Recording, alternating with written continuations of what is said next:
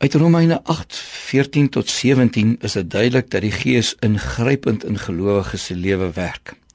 Ons het die vorige twee oggende gesê, eerstens dat dit is deur die Gees sigbaar en dit word deur hom sigbaar dat ek nie meer onder die tirannie van die sonde leef nie.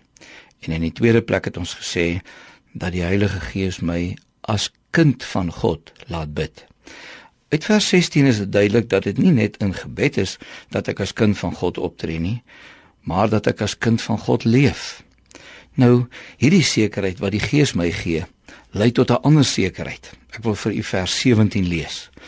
En omdat ons kinders is, is ons ook erfgename. Die Gees, die sekerheid wat die Gees gee dat ek 'n kind is, gee ook ander sekerheid, naamlik ek is 'n erfgenaam van God. Deur die werk van die Gees weet ek dat ek 'n erfgenaam is.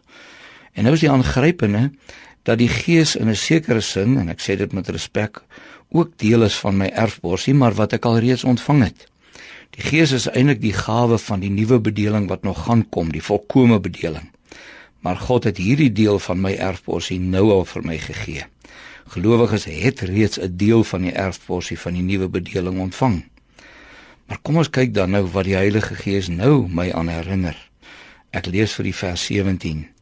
En omdat ons kinders is, is ons ook erfgename. Ons is erfgename van God en erfgename saam met Christus.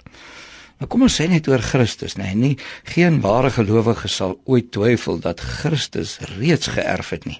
Ons weet mos wat getuig die apostels oor sy oorwinning is eintlik asof ons met ons eie oë deur die oë van die apostels sien hoe dat ons Here na sy opstanding verskyn.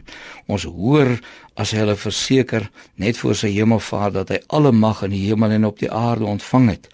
As jy mens Openbaring lees, dan sien jy eintlik deur die oë van die apostel daar, apostel Johannes daar op die eiland Patmos, die heerlikheid waarmee ons Here nou regeer.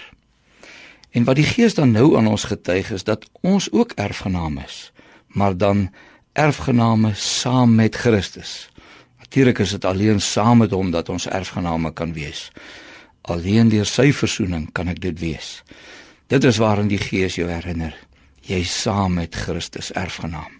God se eie natuurlike kind het reeds volkomme heerlikheid ontvang. Hier op aarde lewe daar egter mense wat deur die geloof aan hom verbind is. Hulle het nog nie hulle erfenis ontvang nie. Dit beteken natuurlik nie dat hulle onseker is oor hulle erfgenaamskap nie. Hulle is erfgenaam. Watter sekerheid het hulle? Die Gees wat binne hulle woon, hy herinner hulle dat hulle kinders van God is en daarom ook saam met God se eie natuurlike kind sal erf. Nooit gelowige mag mislukkings, terugslae, vernederings of wat mense teenoor jou sê, jou van hierdie sekerheid beroof nie. Amen.